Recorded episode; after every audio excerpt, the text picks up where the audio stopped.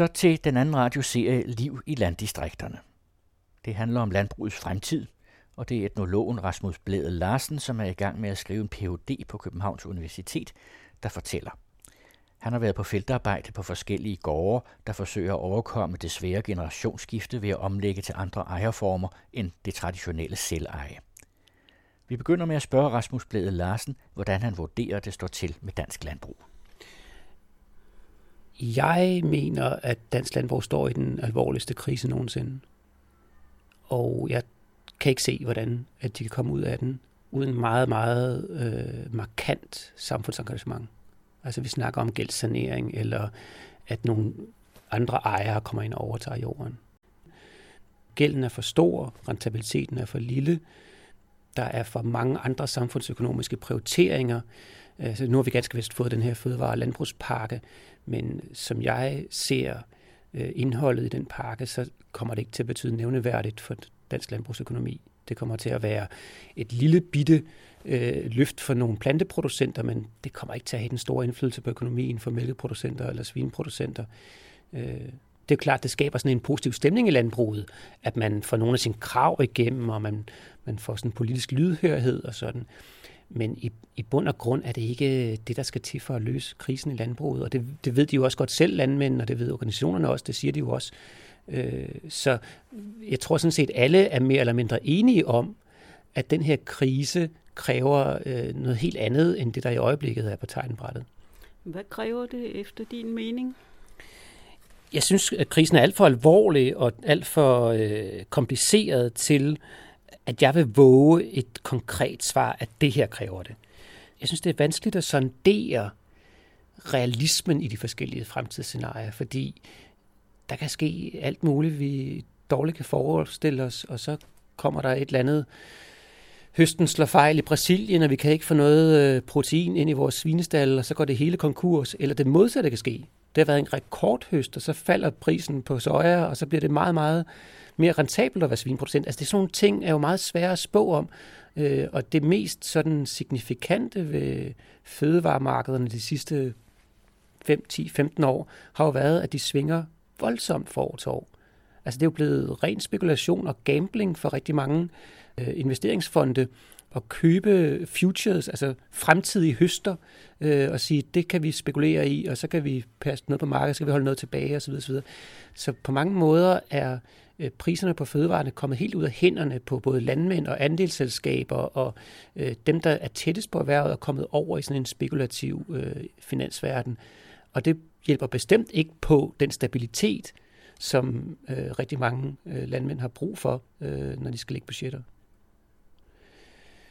Mange mennesker, der beskæftiger sig med landbruget, øh, er jo nu i stand til at se, hvordan at det kørt helt af sporet der i nullerne. Altså fra 2001 til 2008, der blev trukket 55 milliarder danske kroner ud af landbrugserhvervet. Nogle af pengene blev trukket ud, fordi nogen solgte deres gårde og tog, trak sig ud med en kæmpe, kæmpe gevinst. Men rigtig mange penge blev også brugt på spekulation. Altså hvor landmænd, der kunne se, der var enormt meget friværdi i deres jord, begyndte at købe ejendomme, købe øh, landbrugsjord i Østeuropa, begyndte at spekulere i aktier og, og, og fik et, et, et umådeholdent forbrug. Øhm, og mange af de penge er ligesom bare tabt. Og øh, de skal jo på en eller anden måde reinvesteres i landbruget, og det, det er meget svært for nogen lige nu at se, hvordan det kan lade sig gøre. Så der er rigtig mange konkurser stadigvæk? Ja, det er der. Jeg ved ikke øh, det konkrete tal for 2016, øh, men, men jeg tror, det var i november og december, var det en 30-40 stykker om ugen. Øh, og det skal man jo se i lyset af, at der ikke er så voldsomt mange fuldtidslandbrug tilbage i Danmark. Så det er, det er en konkret krise, og det er en meget ulykkelig situation for rigtig mange familier øh, i vores samfund, og som alt for ofte bliver diskuteret på en måde, så at de her menneskeskæbner og den her, sådan den her helhedssituation ikke øh, bliver taget alvorligt. Altså i virkeligheden, så skal man måske øh, tage et fugleperspektiv på situationen. Øh, altså hvad vil vi med dansk landbrug? Altså hvad skal dansk landbrug give os fremadrettet?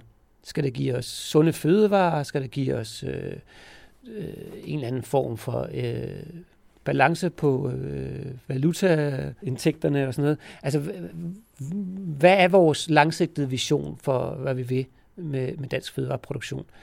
Og øh, der bliver man nok nødt til at skille lidt til, øh, til EU og, og den europæiske indre marked. Og det er jo meget interessant, at øh, EU's landbrugsstøtte øh, gennem de sidste 20 år har været formuleret sådan, at man ønskede at støtte et multifunktionelt landbrug. Man ønskede ikke at støtte et intensivt landbrug.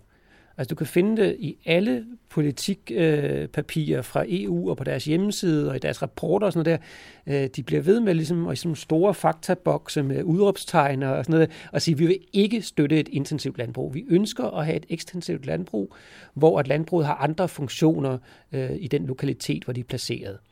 Man ønsker at have en demografisk øh, balance i regionerne, man ønsker at have noget landdistriktsudvikling, man ønsker på alle mulige måder at organisere landbruget som en arbejdsplads og en institution i samfundet, som kan noget mere end kun at drive jorden. Hvad skal de kunne mere? Altså, de skal, de skal have en social og kulturel funktion, og så skal de også have en natur- og miljømæssig funktion. Øh, og de tre funktioner, hvis man deler dem op i tre, altså det driftsmæssige, det miljømæssige og det sociale, det er sådan set hovedtankerne øh, og hovedprincipperne i europæisk landbrugspolitik. Det er derfor, man giver landbrugsstøtte. Det er for at fremme den her type af multifunktionelle øh, landbrug. Og i Danmark er vi lidt specielle. Men hvad er det specielle ved danske landbrug? Det specielle ved danske landbrug er, at det er så intensivt, som det er. Altså, der er jo ikke nogen andre steder i Europa, hvor øh, det skulle lige være Holland måske, og Nordvesttyskland, men der, ellers er der ikke rigtig nogen andre steder i Europa, hvor vi kan sammenligne øh, vores driftsform øh, med de pågældende lande. Altså, det er også meget, synes jeg, typisk, og, og jeg synes, man kunne analysere det både økonomisk, men også kulturelt, at hvis du går til sådan et, øh, et landbrugsmøde eller et landbrugsarrangement, så står de med alle deres grafer og prognoser og sammenligner Danmark med USA, Kanada og Australien. Det er de tre lande, som man gerne vil sammenligne os med effektivitetsmæssigt og produktivitetsmæssigt. Jeg synes, det er, det er dybt problematisk at sammenligne os med sådan nogle lande, fordi vi er et lille, lille, lille, lille, lille mikrobitte land. Altså, vores landbrugsland er præget af sådan en mosaik af, af små jordparceller med skæld og markveje og enormt mange bygninger i det åbne land. Og USA, Kanada og Australien er præget af en helt, helt anden landskab. Så hvorfor skal vi blive ved med at sammenligne vores stordriftsfordele og vores effektivitet med, med de lande? Det giver i mine øjne ikke nogen mening. Det giver selvfølgelig en mening, fordi at vi hører til den her meget, meget intensiv og meget, meget teknologisk øh, moderniserede driftsform, som nærmest kun er sammenlignet med de tre lande. Man sammenligner i Bruxelles øh, de forskellige sådan grupperinger rundt omkring i Europa, øh, og der hører Danmark til noget, der hedder The Gang of Four, altså firebanden, og øh, den tilhører vi sammen med Holland øh, og England og Sverige. Vi fire lande argumenterer altid for den her meget sådan intensive, meget produktivistiske øh, og meget markedsorienterede øh, landbrugsdrift. Og det har været den officielle politik fra dansk side øh, de sidste mange, mange år, at øh, landbrugsstøtten skulle afvikles. Hvis bare vi kom af med landbrugsstøtten i hele Europa, så ville vi være de mest konkurrencedygtige, og så ville vi udkonkurrere alle de andre, og så ville vi have et landbrug, øh, som havde stået meget bedre på markedet end nu, hvor at, at den der støtte holder liv i en masse knap så øh, konkurrencedygtige landbrug i, i for eksempel Østeuropa eller i Frankrig. Det er jo også noget, man sådan populært siger i landbrugsforskningskredse. Landmændene har et vækstgen. Det ligger i deres DNA, at de skal vokse og blive større. Og øh, det stiller jeg mig lidt tvivlende over for, om det også passer. Men, men jeg tror, der har været en form for synergi imellem øh, forskningssektoren, altså den her meget sådan øh, innovative og teknologiforherligende øh, undersøgelse af, hvad kan man gøre? Altså du ved, ja, man, man kan jo så fremavle et svin med et ekstra ribben ja, man kan gå helt ned øh, på molekyleniveau i kraftfodret og sige, hvis du tilsætter det her protein eller den her aminosyre, så vokser grisen med 12 gram mere om dagen. Altså det er jo sådan noget forskning, der bliver foretaget i Danmark. Og det er sådan den forskning, der har været foretaget de sidste 150 år. Altså det er ikke noget, man har opfundet efter 2. verdenskrig. Der er jo mange, der ligesom tænker på, den grønne revolution kom øh, der i 50'erne og 60'erne, øh, hvor at man pludselig indså, at man med kemiens hjælp kunne øh, få nogle meget store udbytter. Men sådan var det også i 1880'erne. Altså, dansk landbrug oplevede den der voldsomme økonomiske øh, succes, dels gennem andelsselskaberne, men også dels gennem øh, bare en, en meget, meget sådan dynamisk samarbejde mellem stat og, og forskning og erhverv. Altså dels først at omstille produktionen til den animalske produktion, som vi har i dag, men også at få det afsat på markederne rundt omkring øh, i Europa. Og det gjorde, at alle gerne ville være med, og det gjorde, at folk sad overalt i landet og havde måske ikke nogen direkte kontakt med landbruget, men godt kunne tænke sig at opfinde en eller anden gummilegering til en eller anden malke eller til en prop i en flaske, fordi de vidste, at i landbruget, det var der, at økonomien bare bulrede derudad. Og den udvikling har fortsat op gennem øh, det 20. århundrede og gjort, at rigtig mange forskellige mennesker har kunne se en, en samfundsøkonomisk fornuft i, at dansk landbrug hele tiden udviklede sig, hele tiden fornyede sig. Og udvikling og fornyelse er, og så må man jo sådan gøre op med sig selv, om man kan lide den tanke eller ej, men det er jo i vores samfund primært drevet af den der økonomiske væksttanke, at det skal være rentabelt, og det skal give et eller andet afkast, og derfor må man hele tiden udvide, fordi den nyeste traktor, den koster lidt mere end den gamle, og for at den kan øh, forrentes på din mark, så skal du have lidt mere mark. Og sådan er tingene gået skridt for skridt. Så i bund og grund, så er det øhm, andelstiden i Danmark, der ligesom er, er den basale grund til, at dansk landbrug nu ser helt anderledes ud end så meget andet i Europa? Jeg vil ikke formulere det sådan. Jeg tror, jeg vil sige, at uden andelssektoren i dansk landbrug, så, så er jeg meget svært ved at forestille mig, at der vil være landbrug i dag i Danmark i det omfang, vi har det er fordi, vi har organiseret os på den måde, vi har, at der stadigvæk findes noget, der hedder dansk landbrug af nævneværdig betydning. Det har været en succes, og det har været en styrke, og det har været noget, som resten af verden har set på med stor, jeg ved ikke, om man kan sige med misundelse, men med beundring jo. Altså, det hører jo også med til historien, når du spørger politikere og interesseorganisationer af alle mulige observanser nede i Bruxelles, så ved alle folk, hvad der foregår i Danmark. Alle folk kender Arla og DLG og Danish Crown. Altså, vi, vi er nogle store spillere på den måde, ikke bare i Europa, men på verdensplan. Hvad kræver det for ejerformer? Hvad er så det for ejerformer, du er stødt på? Der er blevet lukket op for nye øh, ejerskabskonstruktioner øh, i loven. Øh, den første liberalisering, der sådan rigtig øh, skubbede til øh, de gamle vante former, det var øh, den lov, der hedder L39, som blev stemt igennem Folketinget i april 2010. Dengang hed fødevareministeren Eva Kjær Hansen, og øh, loven var i mange daværende iagtagers øjne en revolution. Altså man havde aldrig i landbrugslovgivningens tusindårige historie set så drastisk en deregulering. Altså nu var det med et slag muligt for udlændinge og investeringsfonde og eksterne kapitalinteresser øh, at komme ind og købe dansk landbrug og drive dansk øh, fødevareproduktion. Og kombineret med en masse andre forhold, som øh, jo også har globaliseret vores økonomi, øh, så var der jo ingen, der kunne vide, hvad det var for nogle nye forhold, der så ville blive indvarslet med den der lov. Så var der mere sindige personer, der sagde, at det kommer nok ikke til at have den store betydning lige til at starte med, på grund af den store gæld, på grund af den meget høje jordpris, på grund af en masse andre faktorer i danske samfund, er dansk landbrugsjord ikke sådan umiddelbart interessant for eksterne kapitalinteresser. Og det viste sig jo også. Der var ikke nogen, der var interesseret i at købe. Der var nogle naturfonde, som pludselig fik lejlighed til at købe noget jord fri af drift og lægge det om til natur. Øh, men, men altså folk, der skulle tjene penge på det uden for erhvervet, de kunne ikke se nogen sund forretning i dansk landbrug og havde ikke interesse i det. Så liberaliserede man loven yderligere.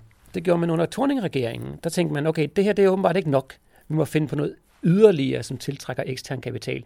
Og så har man så fjernet de sidste rester af en eller anden form for øh, regulering, altså hvor man tidligere, trods alt der i L39, havde øh, en klausul om, at der var bopælspligt for en danskere med grønt bevis, altså uddannelse fra en landbrugsskole, på den pågældende gård, som så kunne være ejet af en kinesisk investeringsfond. Så det er også faldet væk nu. Så nu er der ingen krav, som sådan rigtig kan forhindre, at en investeringsfond kan gå ind og, og gøre, som det passer dem. Men trods det er der jo stadig ikke rigtig nogen, der har vist interesse for det, fordi at økonomien er så dårlig. Der er det her pensionsselskab, AP Pension, som øh, med meget stor sådan eksponering gik ind i landbrugserhvervet for et par år siden. Jeg tror, det var 3. januar 2014, at de annoncerede, at de havde købt deres første gård. Og så et par måneder senere, så kom der så en ny gård, som også var blevet købt af AP Pension. Og det er ligesom den første eksterne kapital ejede og drevne landbrugsdrift i Danmark. Og sådan en konstruktion indgår i min øh, afhandling. Altså AP Pension havde afsat 600 millioner kroner i en speciel agrofond, som de gerne ville investere i dansk landbrug. Og så havde de så hyret nogle meget, meget kyndige landbrugskonsulenter, som vidste rigtig meget om erhvervet og kunne finde de allerdygtigste landmænd, som havde problemer med rentabiliteten på grund af en høj gæld, men ikke fordi de ikke var effektive i deres drift. Og så købte man simpelthen deres gårde, eller købte en gård, og konkurs, og gav den til en ung landmand, som havde de her kvalifikationer. Og øh, det har så gjort de her landmænd i stand til at etablere sig og vise, at de er effektive og dygtige, øh, og så kan de så betale et afkast til AP-pension. Det er en model, øh, som, som i øjeblikket ikke virker som om, at den har ret øh, stor levedygtighed, og den øh, pensionsbonde, som er med i mit projekt, han har kørt med løbende underskud de sidste to år på grund af de der mælkepriser, som er helt i bund. Bliver landbrug sådan til en slags industri, hvor landmanden er en ansat øh, lønarbejder? Landbruget har bevæget sig i retning af produktionsmåder, som minder om den øvrige industri de sidste 20-30 år. Øh, det er der vist ikke nogen, der er i tvivl om. Men det lykkes dansk landbrug, øh, måske især i kraften af der meget, meget stærke samfundsmæssige opbakning. Altså selvom mange mennesker i dag måske øh, ynder ligesom at kritisere landbruget eller skandalisere landbruget, det er jo mest det, man hører om i medierne, det er jo øh, en meget kritisk og meget øh, negativ vinkling på landbruget, så øh, er der jo et meget, meget tæt parløb øh, mellem det danske samfund og den danske stat og, og landbruget. Øh, jeg synes, det mest sådan vigtige i den her sammenhæng at minde lytterne om, det er, at, at vi har øh, en kæmpe forskningssektor. Altså, jeg tror, det er måske 10.000 forskere, der er ansat til kun at beskæftige sig med altså primærlandbrugets forhold. Så der er virkelig, virkelig sådan en massiv organisering omkring landbruget, som også øh, gælder de der andelsselskaber, Altså Danmark har jo tre kæmpestore andelsselskaber, som hører til de største i Europa, trods at vi er et relativt lille land. Så der har ligesom været en evne øh, og en måske et forretning og købmandskundskab øh, i Danmark til at de her øh, organiseringsformer omkring primærbruget er blevet forstærket. Hvad er det for tre? Det er Arla, Danish Crown og DLG. Men de er ikke inde i selve landbruget. De er jo ejet af danske landmænd. Jamen, de er ikke inde i primærproduktionen. De ejer ikke gårdene. Nej, det gør de ikke. Det er jo omvendt. Altså, det er gårdene, der ejer dem. Ja. Øh, det er jo, det er jo, altså, det er jo, jeg skulle sige, det er resterne af andelsbevægelsen, men det er måske lidt øh, groft sagt. Altså, det er jo andelsbevægelsen anno 2016. Både Arla, DLG og Dennis Crown har muteret, øh, fordi de er indgået i nogle meget, meget indviklede ejerskabskonstruktioner, og jeg tror også, man kunne finde folk, der vil påstå, at det ikke betyder noget spor for de her selskaber, om der findes et landbrug i Danmark eller ej, øh, fordi de vil kunne få deres råvaregrundlag fra nogle andre lande og nogle andre landmænd. Det, så langt vil jeg ikke gå, men, men der er der helt klart øh, en helt, helt anden form for øh, globaliseret markedsøkonomi øh, og fødevareøkonomi i dag, end der var for 30 år siden, og den skal de jo agere i, de her selskaber. Arla er måske oprindeligt, eller delvist oprindeligt et dansk andelsselskab, men i dag er der både svenske og tyske og hollandske og engelske og polske og belgiske øh, landmænd, som, øh, som leverer mælk til Arla og andelshavere. Og under det, det her delegerede møde i Sverige, hvor at øh, andelshaverne så kunne komme øh, og, og være med til at bestemme over deres eget selskab, de er jo immer væk stadigvæk ejerne, der var der jo voldsomme konflikter skulle øh, landmændene have udbetalt noget af det rekordoverskud, som Arla havde indtjent i 2015, eller skulle de ikke have nogen af penge udbetalt? Og de danske mælkeproducenter er jo voldsomt øh, økonomisk øh, trængsler i for tiden, så de kunne jo godt bruge en lille smule likviditet, øh, men på den anden side så ønskede Arlas bestyrelse og øh, forretningsrådgivere, at Arla skulle bevare overskuddet og investere i en udvidelse og en ekspansion og finde nye markeder, og det var bedre for den enkelte danske landmand, at hans firma var stærkt på det internationale marked, end at det var, at han var stærk.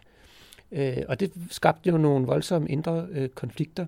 Og jeg kan da ikke lade være med sådan lidt øh, syrligt at bemærke, at øh, direktøren fik en lønfremgang på 32 procent i 2015. Altså Peter Tuborg, han fik 25,2 millioner kroner i løn i 2015, alt imens at de mennesker, der har ansat ham, øh, går konkurs med en, med en hastighed, der er meget øh, uhyggelig. Men de andelsselskaber, de kunne ikke øh, tænke sig at overtage øh, jorden og produktionsmidlerne i, i landbruget? Det er en interessant tanke. Jeg, jeg er ikke bekendt med, at nogen øh, seriøst har luftet ideen. Jeg har ikke hørt, at øh, hverken øh, landbrugets interesseorganisationer eller andelsselskaberne selv har diskuteret den her mulighed, at de skulle købe øh, eller tage ejerskab til produktionsmidlerne. Men det er der så ingen, der vil tage den øh, risiko, der er ved at, at drive landbrug. Så det kan man øh, passende overlade til den selvstændige bonde, som så risikerer at gå konkurs. Der er ingen, der vil ind på det øh, marked der og, og være ejer. Jamen, jeg synes, det er et meget, jeg synes, det er et meget relevant spørgsmål. Jeg har ikke noget overbevisende svar til dig. Jeg kan, jeg kan notere mig, at i øjeblikket, så er situationen sådan, at der ikke er nogen eksterne investorer, som er interesseret i at, at skyde penge i dansk landbrug. De investorer, der allerede har skudt penge i dansk landbrug, altså danske banker og kreditinstitutter, de er meget lurepassende over for situationen. Altså, der har i en årrække været krav fra Nationalbanken og fra økonomer om, at de begyndte at afskrive gælden. Altså simpelthen opgav tanken om, at de skulle få alle de her lån, de har givet tilbage.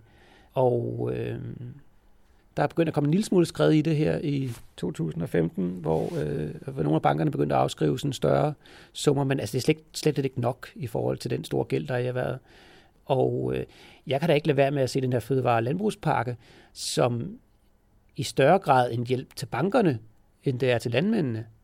Altså, når man får lov til at, øh, at gødske mere, så bliver jorden mere værd, og når jorden bliver mere værd, så stiger jordprisen, og når jordprisen stiger en lille smule, så øh, stiger solvensen en lille smule på de øh, enkelte brug, og så falder bankernes øh, pansatte gæld.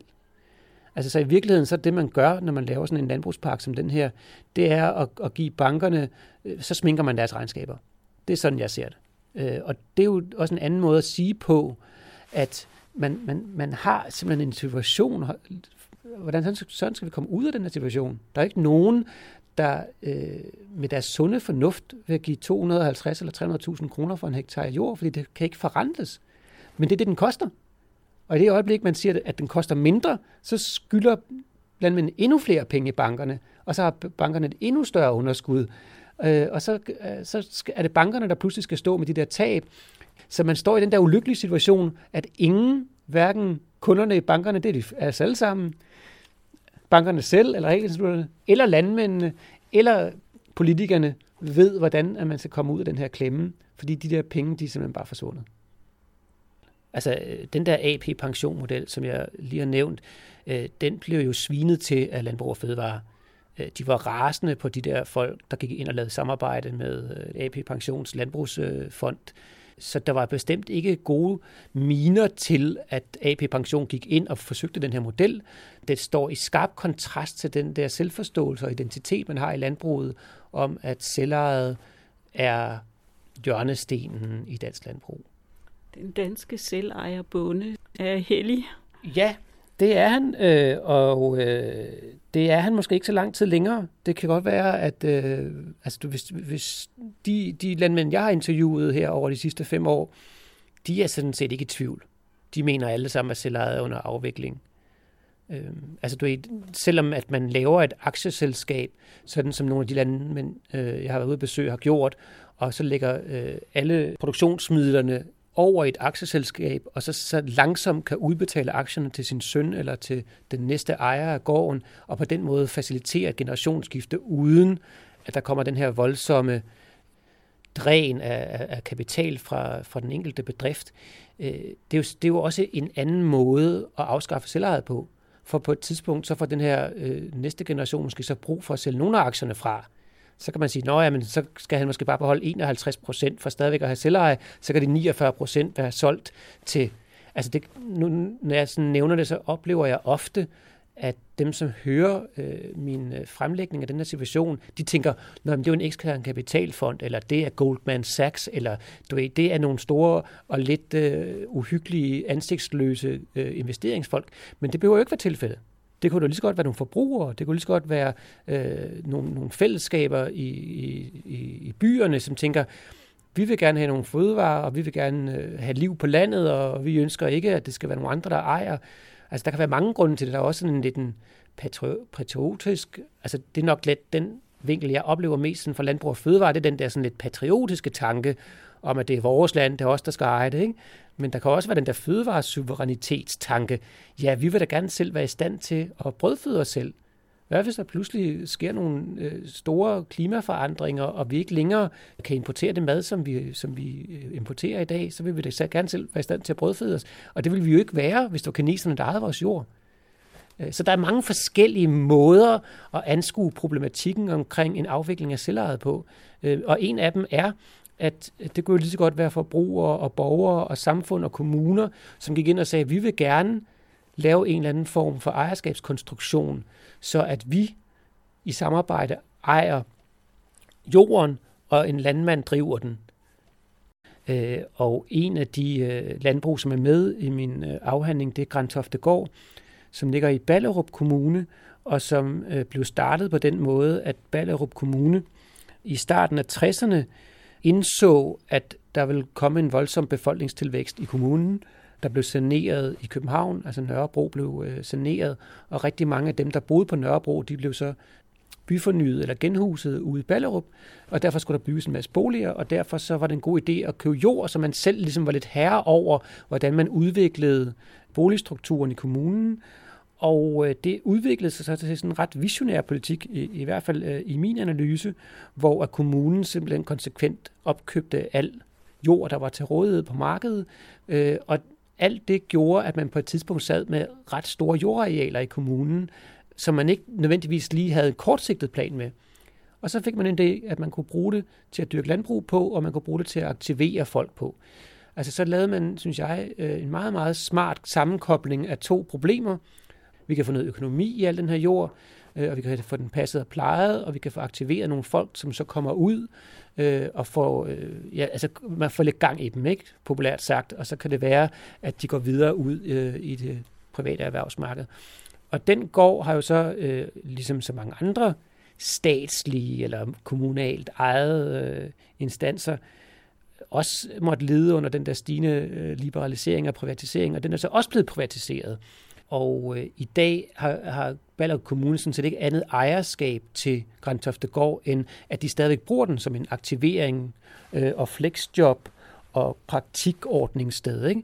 Øh, men, men det synes jeg er et meget, meget flot eksempel på, hvordan at en stat eller en kommune eller en offentlig instans kan gå ind og se, jamen her har vi faktisk en måde at øh, operationalisere landbrugsdrift på, så det tjener en hel masse andre formål end kun den der fødevareproduktion. Altså her er der nogle sociale, nogle kulturelle og nogle samfundsøkonomiske gevinster ved, at der faktisk bliver drevet et landbrug. Men det er vel ikke en model, der kan bruges sådan over hele landet til hele landbrugsproduktionen, at, at arbejdskraften er folk, der er i praktik eller anvist på forskellige måder? Tror altså, du det? Nå, men jeg vil ikke mene, at man kunne drive hele dansk landbrug på den måde. Øh, nej, nej, selvfølgelig ikke. Men jeg synes bare, det er en god model. Er der nogle landmænd, som det går rigtig godt i dag, som faktisk tjener virkelig godt? Ja, det er der. det er der faktisk, øh, og det er jo også nogle af dem, jeg har besøgt, som øh, virkelig øh, har nogle meget, meget øh, fantastiske budgetter. Og er der så et fællestræk ved dem? Ja og nej. Altså, det er jo meget lille materiale, jeg kan bygge en analyse på. Altså 10 år er jo ikke øh, repræsentativt for erhvervet, og øh, jeg synes ikke, jeg kan udtale mig med nogen sådan autoritet om, hvad det er for nogle driftsformer, der generelt i erhvervet er mere rentable end andre. Men, men det, som jeg har set på min færd igennem erhvervet, er, at specialafgrøder øh, og især økologiske grøntsager har vist sig at være øh, meget, meget nemmere afsat på markedet med en stor fortjeneste. Simpelthen. Øh, og jeg tror, to, i hvert fald to af de brug, jeg har, øh, tre af de brug, jeg har, øh, har økologiske grøntsager i deres drift. De er ikke nødvendigvis øh, hovedomsætningen i deres øh, produktionsform, men de har økologiske grøntsager, og det tjener de rigtig mange penge på. Og det, så er der sådan nogen, der vil sige, øh, jamen Rasmus, du ser jo bort fra, at øh, den tidligere regering har støttet øh, økologien øh, og fuldstændig forvrænget markedet og tvunget det offentlige til at lægge om til økologisk forbrug og, og Coop betaler overpris og sådan noget der. Jeg, jeg mener altså ikke, det er øh, det er afgørende i den her situation. Jeg mener, at der er et marked, og der er et meget lukrativt marked for økologiske grøntsager, øh, og det er ikke kun øh, danske forbrugere, det er også forbrugere øh, syd for grænsen. Det er jo sådan en aktuel konjunktur, men lige nu er det, er det rigtig, rigtig gode penge i at dyrke økologiske grøntsager. Så er det hele taget omlægning til økologi, er det en god idé? Det synes jeg er svært at svare på igen. Altså, jeg synes ikke, man kan skære erhvervet over en kamp og sige, at det vil være bedre at lægge produktionen om til økologi ifølge de kilder og de rapporter, som jeg kender til, så peger alt på, at det økologiske marked vokser også meget voldsomt i de kommende år. Men der er jo mange andre faktorer, der gør sig gældende. Det, det er meget svært, øh, for ikke at sige næsten umuligt, at lægge en intensiv svinproduktion om til økologisk drift. Det er jo ikke sådan et valg, den enkelte svinproducent bare kan tage. Og så kommer der måske alt det kulturelle og sociale oveni. Altså der, der er jo ikke den allerstørste lydhørhed eller interesse fra den konventionelle sektor til at lægge om. Øh, altså, det flytter sig en lille smule de her år, men jeg synes ikke, det flytter sig nok til, at man kan sige, at der er en interesse øh, i dansk landbrug for at blive økologiske. Og det er der bestemt heller ikke på landbrugsskolerne.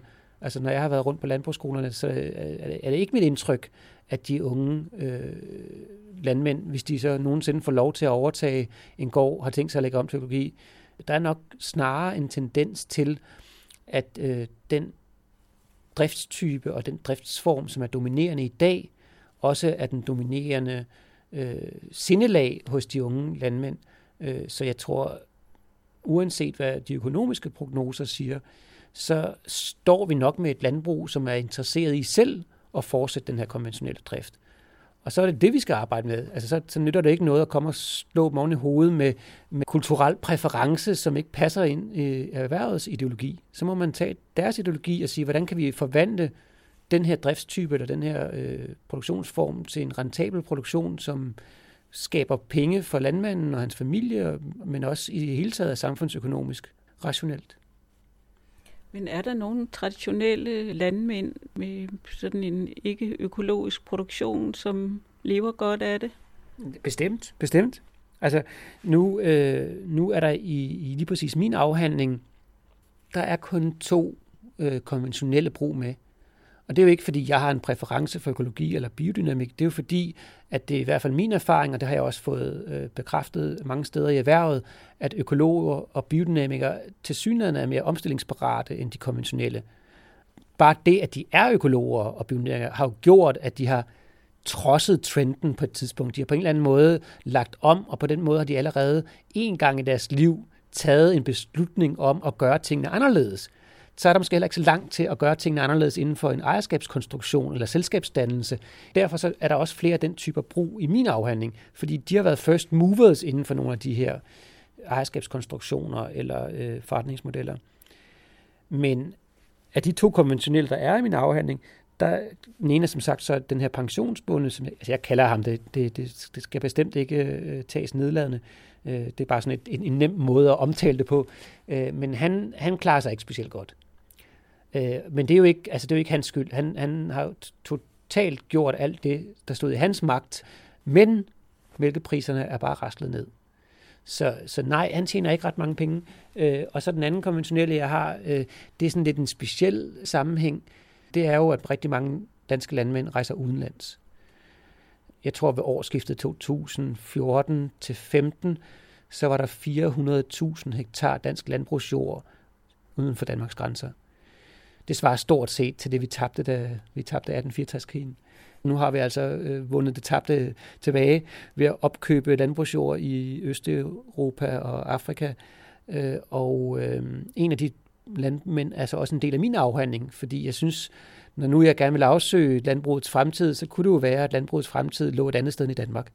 Så jeg har været rejst rundt i Østeuropa og besøgt rigtig mange danske landmænd, og en af dem er så en del af min afhandling. Og han er konventionel, og han tjener ganske glimrende, øh, han har en meget sund økonomi med, med sin planteavlsbedrift i Polen. Men det er måske løsningen at sende danske landmænd ud og dyrke jord ud i verden, og så kan vi omlægge jorden til natur her i Danmark. Jeg tror, der, jeg tror, der er nogen af de fremtidsprognoser, som eksperter, øh, og her er jeg ikke, jeg er ikke ekspert på den måde, altså jeg er jo etnolog, men, men folk, der sidder ude på Fødevare Ressourceøkonomisk Institut og, og, og spekulerer i fremtiden for dansk landbrug, de tænker i sådan nogle baner, ja. De tænker, der er måske en vis økonomisk rationale i, at vi skal hen et sted, hvor at jordprisen er nede i den leje, hvor det er rentabelt at lave landbrugsdrift. Ikke? Det er det stort set alle eksterne investorer tænker. Det er jo derfor, der ikke er nogen, der kommer til Danmark og køber landbrugsjorden. Det er jo fordi, de kan se, at de kan dyrke det øh, i Polen eller i Tyskland, hvor de ikke skal give så meget for jorden. Så er det jo en meget bedre forretning. Så der, der er helt bestemt, tror jeg, øh, et segment i den danske øh, forskningsverden, der mener, at dansk landbrugs fremtid, øh, det er øh, i udlandet, hvor modsætningsfuldt sådan en sætning end kan lyde. Og så er der model, vi ikke har snakket om endnu. Og det er det, der hedder CSA på engelsk, Community Supported Agriculture. Og det er der, hvor en forbrugerkreds går ind og køber eller sikrer økonomien i landbruget.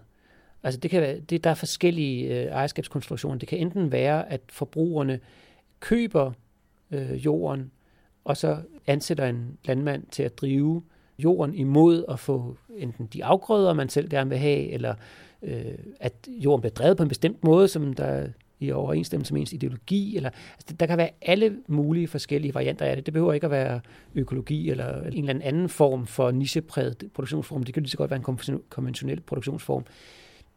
Den, den konkrete model består sådan set bare i, at det eksterne ejerskab af jorden og produktionsmidlerne er en kreds, enten af forbrugere eller af lokale støtter, eller altså nogle mennesker, som på en eller anden måde har en, en aktiv interesse, eller i hvert fald en interesse i, at det her landbrug skal bedrives på en bestemt måde. Fungerer det? Ja, det gør det på Svandholm. Mm-hmm. Altså, jeg har valgt at kalde Svandholm for et, øh, nu kalder jeg det for et kollektivt ejet landbrug, men øh, det er i princippet sådan set det samme som sådan et, et CSA, et Community Supported Agriculture. Her har man en ejerskabskreds på, på 80 kollektivister, som alle sammen har skudt nogle penge ind i købet af det her gods, øh, og som alle sammen er med til at dække underskuddet i driften på Svandholm. Svandholm øh, Landbrug eller Svandholm Agerbrug slås med rigtig mange af de samme udfordringer, som alle andre landbrug gør i Danmark, at øh, rentabiliteten er meget skrøbelig. Altså du ved, det svinger lige over nulpunktet fra år til år, og nogle år der er underskud, nogle år der er overskud, men, men generelt set er det bare meget, meget svært at garantere, at der er en sund økonomi i fødevareproduktionen, også på Svandholm. Men der har man så en, en, en forbrugerkreds, eller en kundekreds, eller hvordan man vil benævne de her kollektivister, som alle sammen har været med til at købe øh, jorden og aflønner øh, landmændene. Og de henter jo penge ind fra deres øh, respektive jobs rundt omkring øh, i det private erhvervsliv eller det offentlige. Det er jo lige meget, og, og deres løn indgår i landbrugsøkonomien. Så de er villige til som forbrugere at betale landmændenes øh, drift, både deres løn og deres investering i landbrugsdriften, og øh, så imod det, nu på Svandholm så skruet sådan sammen, at man ønsker at have sådan en ret høj grad af selvforsyning. Derfor så er en del af aftalen mellem kollektivisterne og driftslederne, at de leverer rigtig mange af de fødevareprodukter, som kollektivet selv bruger. Men Sandholm er jo et stort gods, der er jo øh, plads til at producere meget, meget mere end kun det, som kollektivisterne skal spise. Så man, man laver jo også fødevarer til markedet, både det danske og, og til eksport. Så derfor så synes jeg, man kan sagtens bruge Svandholm som et eksempel på en type landbrug, som kunne fungere, hvis at der var en gruppe af forbrugere. Man behøver ikke at bo på landbruget, som man gør på Svandholm. Man kan jo sagtens bo i København, og så købe en landbrugsbedrift ud på landet, og så sige, at vi er en forbrugerkreds på 100 mennesker i, i Aarhus, eller Herning, eller, eller Aalborg, som ønsker at have de her typer fødevarer til vores rådighed, eller som ønsker, at der skal være det her type landbrug. Øh, derfor så skyder vi en vis kapital ind i det, øh, og så har vi medejerskab til det. Altså man kan, der er uendelig mange slutprodukter af det, ikke? Altså det er meget populært øh, i USA. Øh, jeg tror, den sidste opgørelse, jeg så den er fra 2009, så den er jo nogle år gammel, men der var 2.200 registrerede CSA-landbrug. Øh, og de landbrug har mange forskellige versioner af relationer mellem ejerne og øh, driftslederne. Men det er meget, meget almindeligt, at ejerne synes, at ejerskabet også skal udmunde i en eller anden form for konkret fysisk relation til stedet. Hvilket betyder, at man har arbejdsdage på gården, hvor at familierne, eller øh, dem, der øh, nu har skudt kapital ind i, i, i bruget, kommer ud og, og laver et eller andet. Det behøver ikke at have den helt store sådan, økonomiske funktion, men det skaber jo så øh, en kulturel og social funktion på landbruget. Ikke? Øh, og ganske ofte vil man jo også gerne have nogle afgrøder tilbage. Det er ikke altid sådan, men det, det synes jeg er det mest almindelige, man ser. Og derfor så er der ligesom en, et, et samarbejde mellem driftslederen øh, eller landmanden og ejerne, hvad for noget vil I gerne have til næste år? Jamen, vi vil gerne have broccoli, jamen, så laver vi noget broccoli. Eller vi vil gerne have nogle freelance jamen, så laver vi nogle freelance Altså, der, der skabes den her relation mellem forbrugeren og driftslederen, som er det mest ligesom, kendetegnende ved, ved den her type model. Og den er jo så også igen nogenlunde generationssikker, fordi at ejerne kan jo ansætte en ny landmand, når den landmand, der er der, øh, går på pension eller ikke gider mere eller sådan noget. Ikke? Og jeg tror, at vi vil se flere af den der type øh, af, af økosamfund, eller nu kalder vi det økosamfund. Altså, jeg, jeg, jeg kan ikke se, hvorfor at det kun skulle være økologer eller økologisk drevne øh, produktionsformer, der skulle, der skulle være tilknyttet sådan en landbrugsproduktion. Der kan ikke, der, det vil da være lige så naturligt øh, for folk, der ikke går op i økologi, men bare gerne vil bo på landet og, og, og alliere sig med en konventionel øh, produktionsform, og så skabe det der synergiforhold, der er mellem øh, landbrugsdrift og, og, og, og bosætning på landet. Det var den Ph.D.-studerende etnolog Rasmus Blæde Larsen, der fortalte om dansk landbrugs fremtid. Den anden radioserie Liv i landdistrikterne er tilrettelagt af Anne Eggen, Christina Grossmann Due og Bodil Grove, og serien er støttet af Realdania, Drejersfond og 15. juni fonden. I kan finde de øvrige udsendelser i serien på vores hjemmeside under serier Liv i landdistrikterne.